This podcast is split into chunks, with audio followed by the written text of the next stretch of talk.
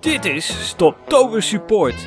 Jouw dagelijkse portie inspiratie voor als je net bent gestopt met roken. Twee ex-rokers delen hun ervaring over hoe het leven eruit ziet na je allerlaatste sigaret. Margot en Maarten praten je in 10 minuten bij over wat je kan verwachten als je hebt besloten om nooit meer te hoeven roken. Stoptober Support wordt je aangeboden door Rookstop Buddy. Goedenavond, Margot. Hey Maarten. Hoi. Hoi. Nou, we hebben eh, eigenlijk best wel een. uh, we hebben er eigenlijk al een podcast op zitten in ons voorgesprek. ging oh, dat ging niet over roken. nee, nee, de laatste twee minuten wel, want we waren eventjes aan het kijken van. Oh, wat gaan we vandaag behandelen? En uh, ja, aangezien we allebei mee kunnen kijken in de groep, gaan we daar een paar dingetjes uitpakken. Ja. Nou, want nou ja, ik zou zeggen van ja, start de klok maar. Toch? Ja, ja, laten we dat doen. Of wil je, wou je nog, nog iets kwijt? Uh, nee, eigenlijk niet. Ja, weet je, 14 dagen, dit, is, dit voelt denk ik als een mijlpaal. En uh, dit is volgens mij in mijn herinnering het moment geweest dat ik uh, inderdaad ook mijn zegeningen ging tellen, letterlijk. Kijken wat ik, het sommetje maken wat ik allemaal had bespaard. En, uh-huh. en het abonnement op een seriezender afsloot. Dus, en dat zie ik in de app ook terug. een hele lekkere pizza met heel veel kaas zag ik voorbij komen.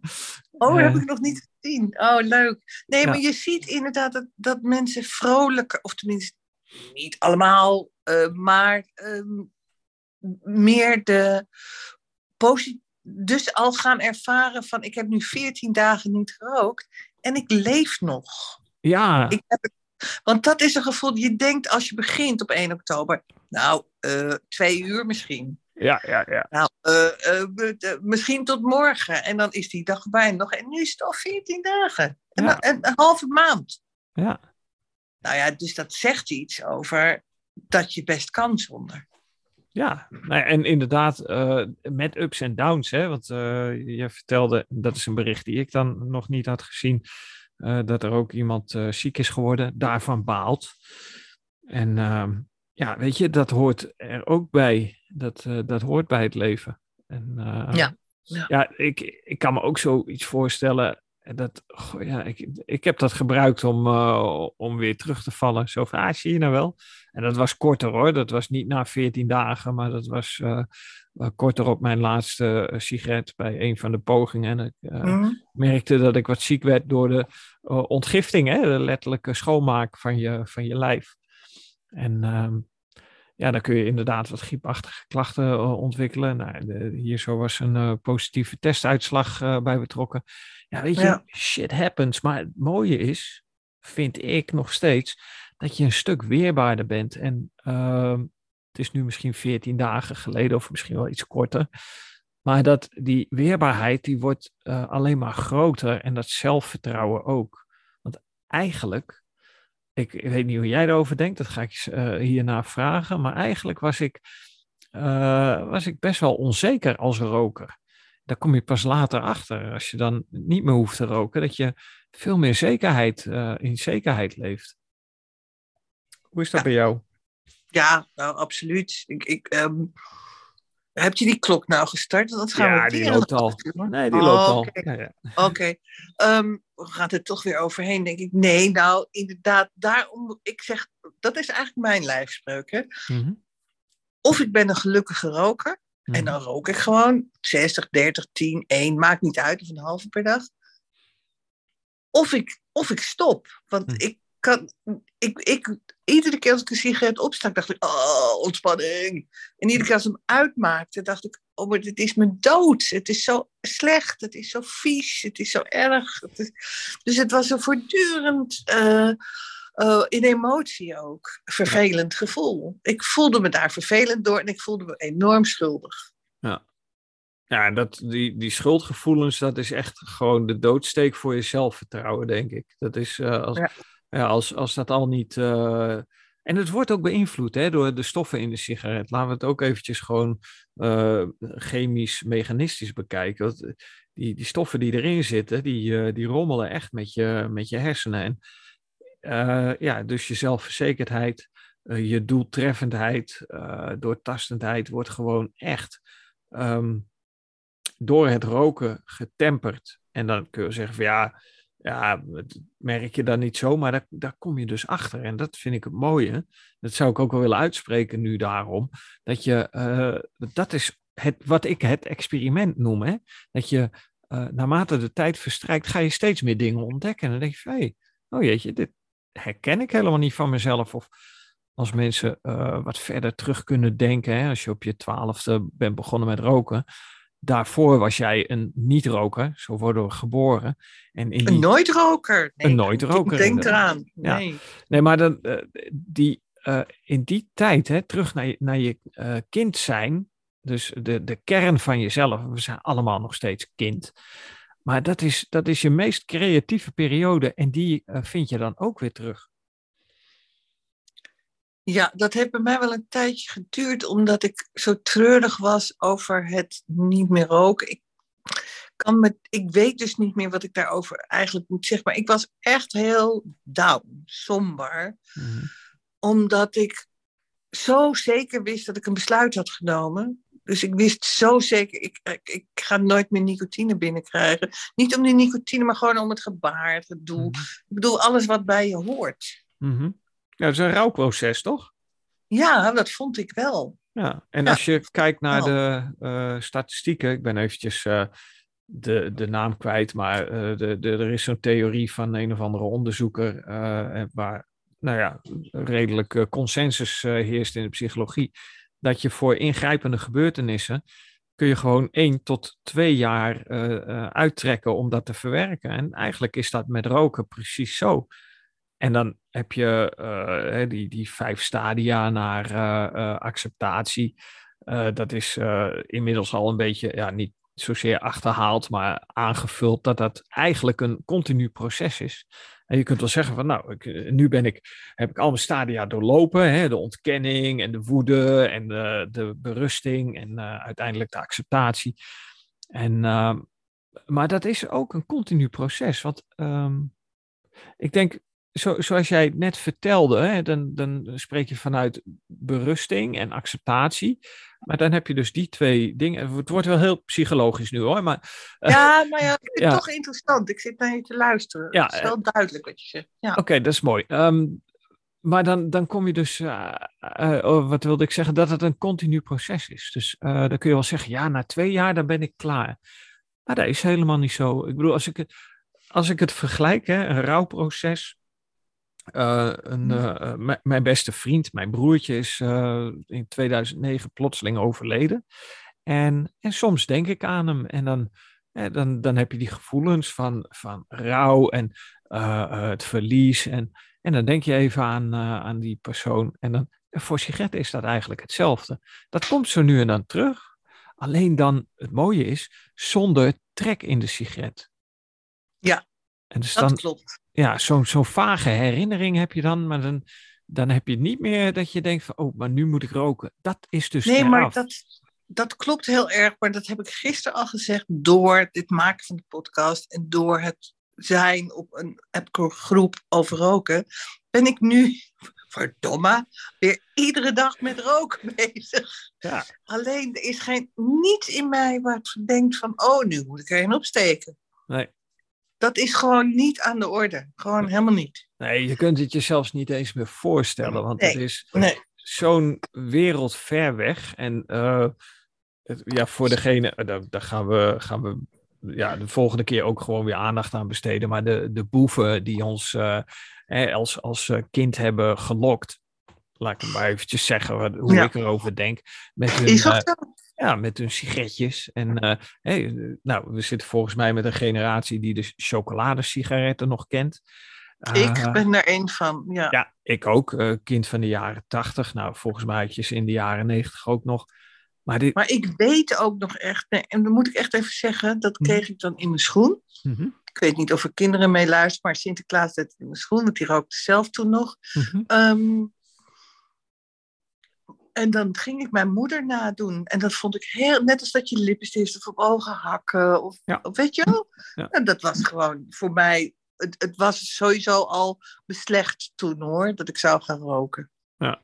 Ja, dat, dat, was niet aan te ontkomen. Nee, de, precies. En dat is, uh, ik hoop ook dat er uh, mensen zijn die, um, die dit luisteren en misschien een kinderwens hebben. En dat helemaal om, zonder belerend te willen zijn. Maar als, je, als jij je kind op de wereld zet wanneer jij een niet-roker bent en nooit meer rookt, dan is de kans zoveel kleiner dat je kind ook gaat roken. Kijk, ik, ik, um, pluk er nu de vruchten van, van mijn gedrag en mijn rookgedrag. Mijn, de, onze oudste die, die rookt, dat doet hij niet, niet bij ons in de buurt, maar op feesten en partijen, dan zie je hem wel naar buiten glippen. en um, we hebben een samengesteld gezin. Mijn eigen dochter, die rookt ook, die is 19.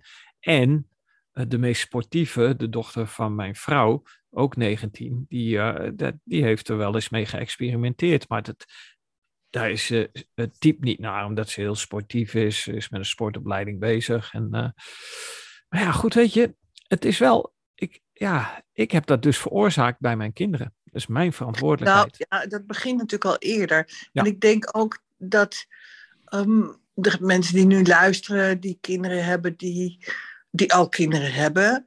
Um, het is natuurlijk ook fantastisch als je nu stopt en dat je kinderen zien dat het, dat het je moeite kost. Dat mag je ze ook best vertellen, want daardoor leren ze dat het helemaal niet zo'n leuke gewoonte is. Nee. Misschien dat ze daardoor wel denken van, ik ga daar nooit aan beginnen. Want eh, ik zie nu mijn moeder die, die ongeveer tegen het plafond opkruipt. Mm. Of mijn vader, we hebben het steeds maar over vrouwen. Dat komt omdat ik een vrouw ben.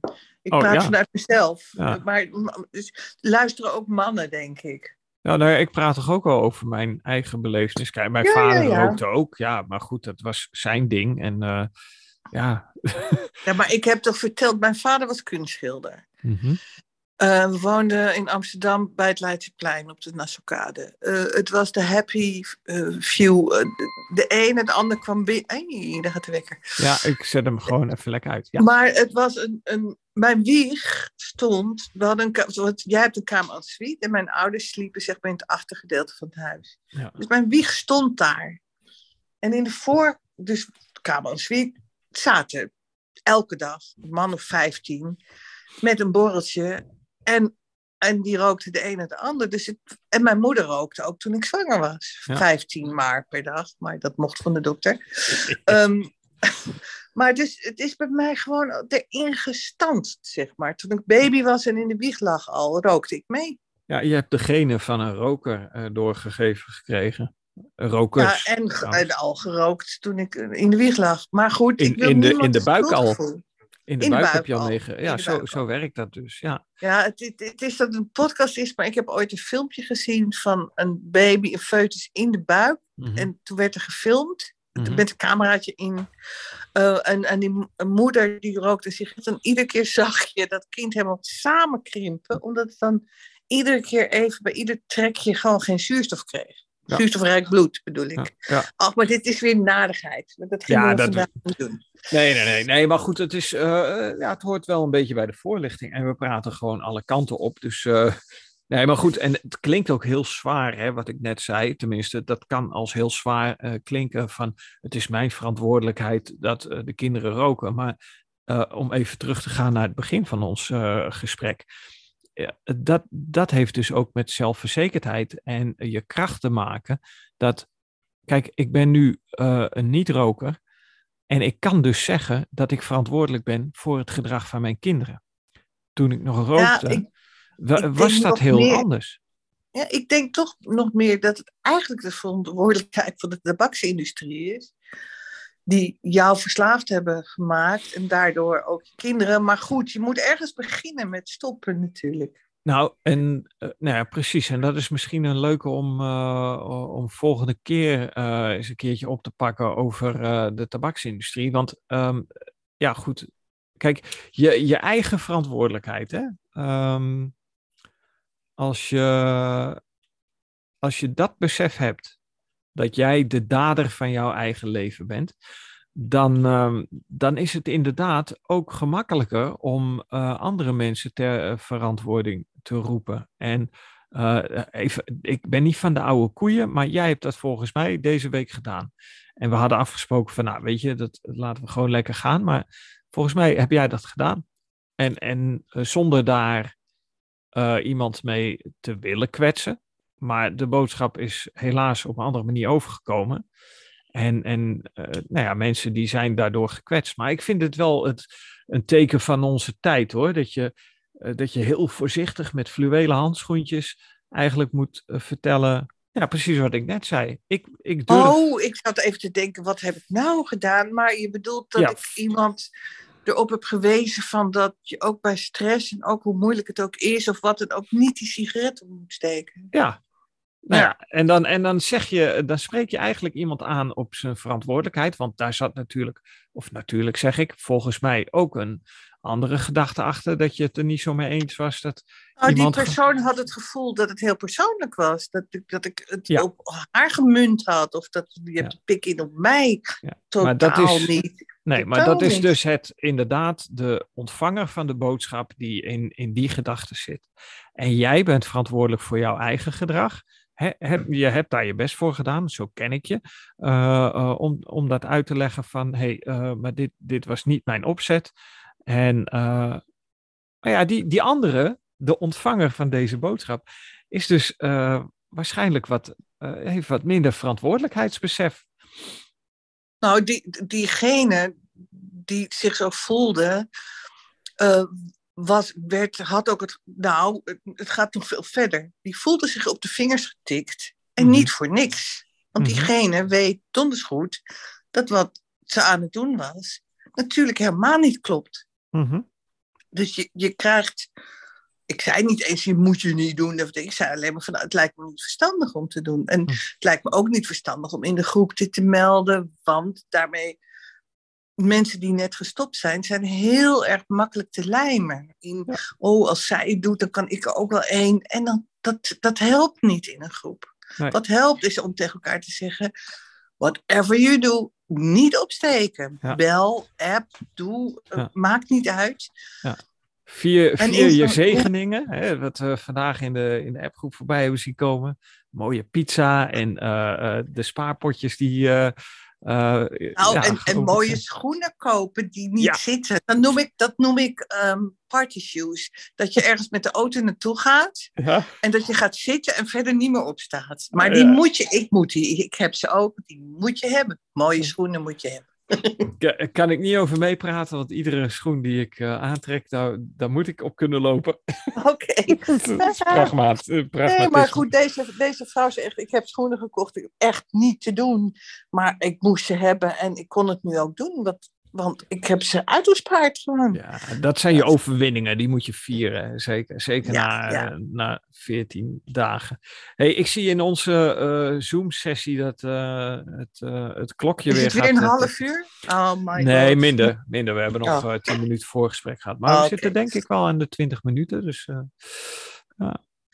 Nou Ehm. goed, het loopt toch weer. We moeten daar maar beter weer op gaan letten. Dat het 10 minuten is. Want mensen zijn misschien ook zat om zo lang te luisteren. Nou, ik hoorde toch wel andere feedback. Ja, 45 minuten. Nou ja, we kunnen het ook nog over andere dingen hebben natuurlijk. Nou goed, jij gaat lekker uit vanavond. Uh, ja, ik ga eens even wat uh, kwaliteit uh, doorbrengen met, uh, met mijn vrouw. En nou, we hebben genoeg te bespreken, leuke dingen ook. En, en ook al spannende dingen. We moeten een verbouwing doornemen en ondertussen wat aandacht aan elkaar besteden. Want dat Heel goed. schiet er wel eens bij in als je zo de hele avond Nee, bezig ja. bent. Ja. ja, goed. Oké. Nou, doe er de groeten van. Maar ze kent me niet, maar doe er de groeten. Ja, doe ik wel. Ik, nou, ze kent je inmiddels wel hoor. Ik laat wel eens berichtjes lezen en ik vertel, uh, ik vertel altijd wel over onze gesprekken. Dus uh, Oh, ja, ook. goed. Hey, jij de Nou, groetjes in, uh, ja, in Amsterdam en tot de volgende. Ja, tot de volgende. Doei. Doei.